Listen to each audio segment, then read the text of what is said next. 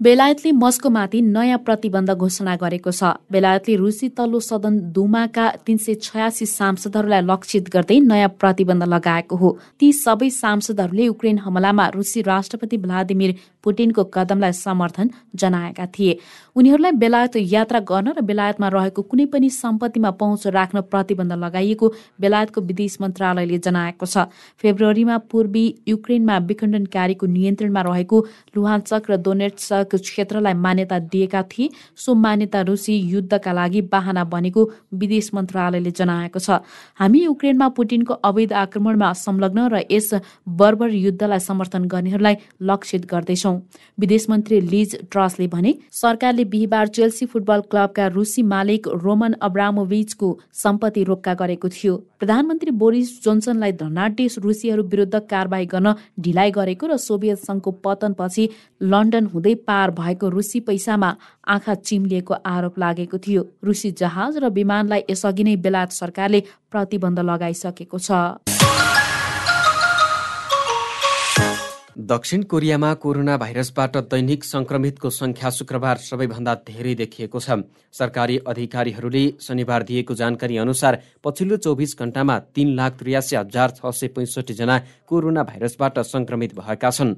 यो सँगै दक्षिण कोरियामा अहिलेसम्म कोरोना भाइरसबाट संक्रमितहरूको कुल संख्या बैसठी लाख छ हजार दुई सय सतहत्तर पुगेको छ।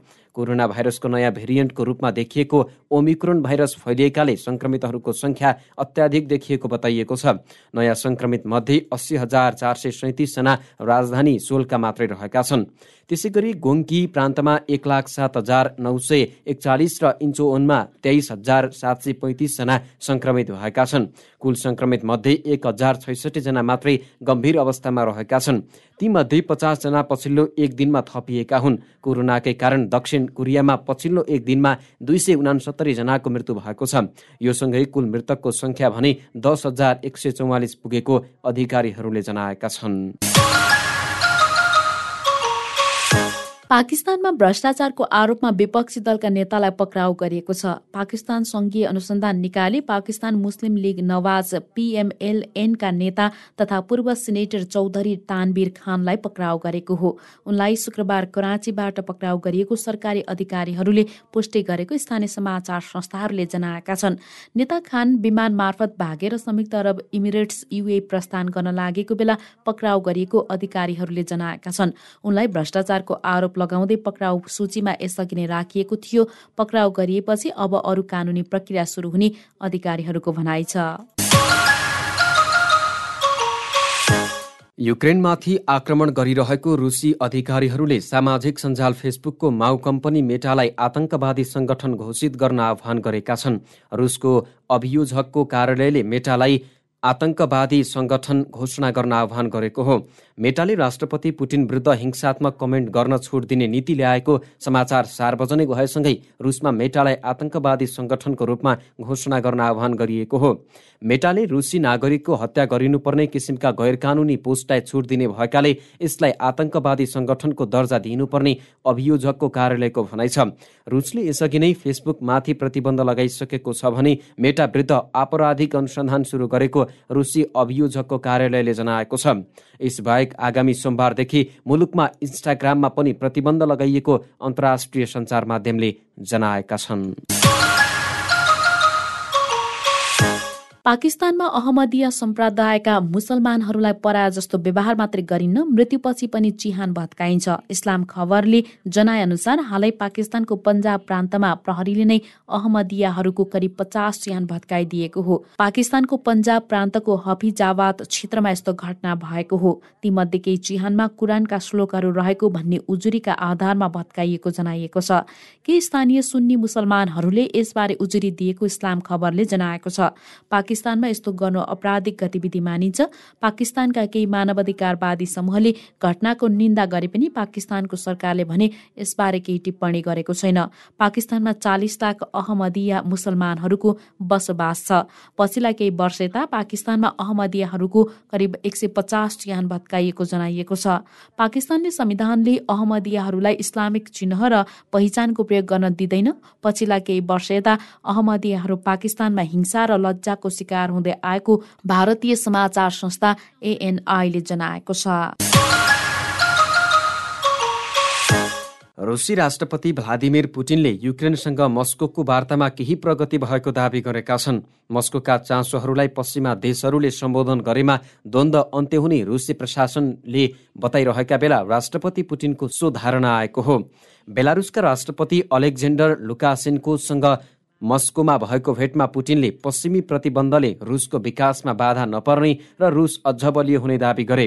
उनले युक्रेनी वार्ता व्यवहारिक रूपमा भइरहेको समेत बताए। निश्चय नै सकारात्मक परिवर्तन भएको हाम्रा पक्षका वार्ताकारहरूले बताएका छन् पुटिनले भने यसबारे पछि मैले सबै भन्नेछु।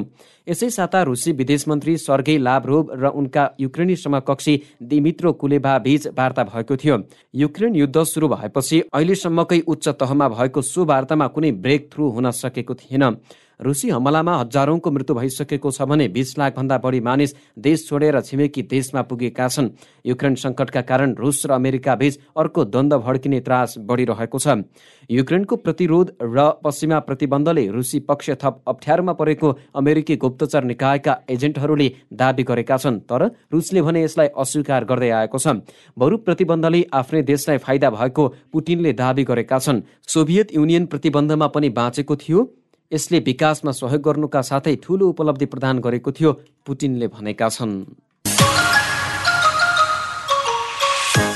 पाकिस्तानको बलुचिस्तान प्रान्तमा सुरक्षा अवस्था अझ खराब हुँदै जाँदा विश्लेषकहरूले शहरी क्षेत्रमा पाकिस्तानी तालिबानको हिंसा मुख्य चुनौती रहेको औल्याएका छन्। केही दिन अघि मात्रै बलुचिस्तानको कोइटा सहरमा भएको विस्फोटमा तीनजनाको मृत्यु भएको थियो भने अरू चौबिसजना घाइते भएका थिए। विस्फोटको अनुसन्धान गरिरहेको स्थानीय प्रहरीले उक्त घटनामा अढाई किलोग्राम विस्फोटकको प्रयोग भएको जनाएको पाकिस्तानको समाचार पत्र डनले जनाएको छ। विज्ञहरूले पछिल्लो आतंकवादी आक्रमणहरूले पाकिस्तान सरकारलाई अप्ठ्यारोमा पारेको टिप्पणी गरेका छन्। तालिबानलाई सहयोग गरेको र अमेरिकी सैनिक फिर्तीसँगै अफगानिस्तानमा सरकार परिवर्तन भएको अवस्थामा पाकिस्तानको झगडा सार्वजनिक भयो भने यस्तै अन्तर्राष्ट्रिय स्तरमै पाकिस्तानको बेज आयोजित हुनेछ युरोपियन टाइम्सले लेखेको छ। इस्लामाबादमा रहेको पाक इन्स्टिच्युट अफ पिस स्टडिजका अनुसार लडाकु समूहलाई नियन्त्रण गर्ने पाकिस्तानको प्रयासलाई अफगानिस्तानको नयाँ सत्ताले कुनै पनि किसिमबाट सहयोग गरिरहेको छैन। आफैले तालिबानको सत्तालाई मान्यता नदिएको तर अरू मुलुकहरूलाई भने यसो गर्न आग्रह गर्दै आएको पाकिस्तानको दोधारे चरित्र स्पष्ट भएको विश्लेषकहरू बताउँछन्। केही समय अघि मात्रै पाकिस्तानी प्रधानमन्त्री इमरान खानले अफगानिस्तानमा तालिबानको विकल्प नभएको बताएका थिए। चार करोड अफगानको भविष्य र कल्याणका लागि विश्वले ढिलो चाँडो तालिबान सरकारलाई मान्यता दिनुपर्छ। सिएनएनका फरिद जकारियासँगको अन्तर्वार्तामा खानले भनेका थिए। अमेरिकी राष्ट्रपति जो बाइडेनले युक्रेनमा रुस विरुद्ध अमेरिकाले प्रत्यक्ष ढङ्गले हस्तक्षेप नगर्ने बताएका छन्। युक्रेनमा हामीले रुस विरुद्ध लडाईँ गर्ने छैनौँ। नेटो र रुसको प्रत्यक्ष द्वन्द्वको अर्थ तेस्रो विश्वयुद्ध हो। यसलाई हामीले रोक्ने प्रयास गर्नुपर्छ बाइडेनले भने। यसअघि रुसमाथि विभिन्न प्रतिबन्ध लगाइएको अमेरिकाले रुसी भोड्का सिफुड डायमन्डल लगायतका सामग्रीमा नयाँ प्रतिबन्ध लगाएको छ। युक्रेनमाथि रासायनिक हमला प्रयोग गरे पुटिनले ठूलो मूल्य चुकाउनु पर्ने बाइडेनले चेतावनी दिएका छन्। यसैबीच रुसी सेनाले युक्रेनका तीनवटा मुख्य सहरहरूमा हमला गरेको छ। यसअघि युक्रेन सङ्कटबारे रुस र युक्रेनका विदेश मन्त्रीबीच टर्कीमा भएको वार्ता निष्कर्षविहीन भएको थियो। रुसी विदेश मन्त्री सर्गेई लाभ्रोभ र युक्रेनी विदेश मन्त्री दिमित्री कुलेबा बीच टर्कीमा भएको वार्ता बिना निष्कर्ष टुङ्गिएको थियो।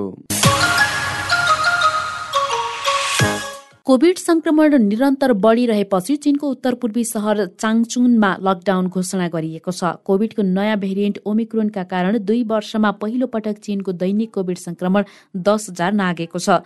नब्बे लाख जनसङ्ख्या भएको चाङचुन जिलिन प्रान्तको राजधानी समेत हो। चाङचुन प्रान्तकै महत्वपूर्ण औद्योगिक आधार समेत हो।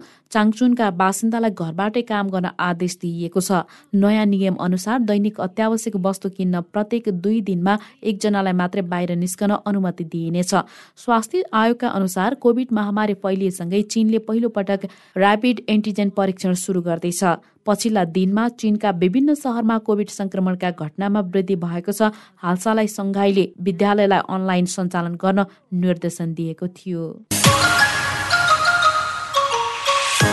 बाहिरका हिरालुसँग हुर्केका बालबालिकाहरूको व्यवहारमा उनीहरूकै प्रभाव पर्ने गरेको एक अध्ययनले देखाएको छ। स्विजरल्यान्डमा गरिएको अध्ययनका क्रममा जुरिजको विद्यालयका एक हजार तिन सय बालबालिकालाई सहभागी गराइएको थियो। बाहिरका हेरालुको साथमा धेरै समय छोड्दा उनीहरूकै स्वभाव बालबालिकामा विकास हुने भएकाले बालबालिकालाई आफै स्याहार सुसार गर्न पनि अध्ययनकर्ताहरूले सुझाव दिएका छन्। बच्चासँग सकेसम्म घरकै परिवारले समय बिताउनु राम्रो हुन्छ। बाहिरका हेरालुसँग राखियो भने उनीहरूकै बानी अनुसारको व्यवहार बच्चाहरूमा पनि विकास हुने गरेको देखिएको छ अध्ययन प्रतिवेदनमा लेखिएको छ।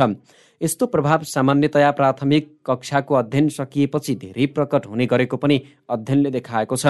अध्ययनमा सहभागी बालबालिका मध्ये सतसट्ठी प्रतिशत बालबालिकालाई शिशु कक्षाभन्दा अगाडि पारिवारिक सदस्यभन्दा बाहिरकाले हेरचाह गर्ने गरेको पाइएको थियो। तीमध्ये बत्तीस प्रतिशतलाई दिवा हेरचाह केन्द्रमा राख्ने गरेको पाइएको छ।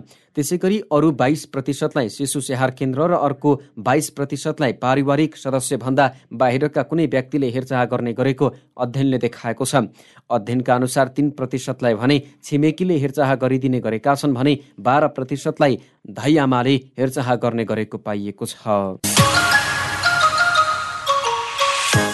र नयाँ दिल्लीमा शनिबार बिहान भएको आगलागीमा परेर कम्तीमा पनि सातजनाको ज्यान गएको बताइएको छ। प्राप्त समाचार अनुसार शनिबार भारतीय राजधानी नयाँ दिल्ली सहरबाट उत्तरतर्फ रहेको गोकलपुर भनिने स्थानमा रहेका घर टहरामा अकस्मात आगो लागेको थियो। सो आगोले कम्तीमा पनि सातजनाको ज्यान लिएको र अरू केही घाइते भएको अधिकारीहरूले जनाएका छन्।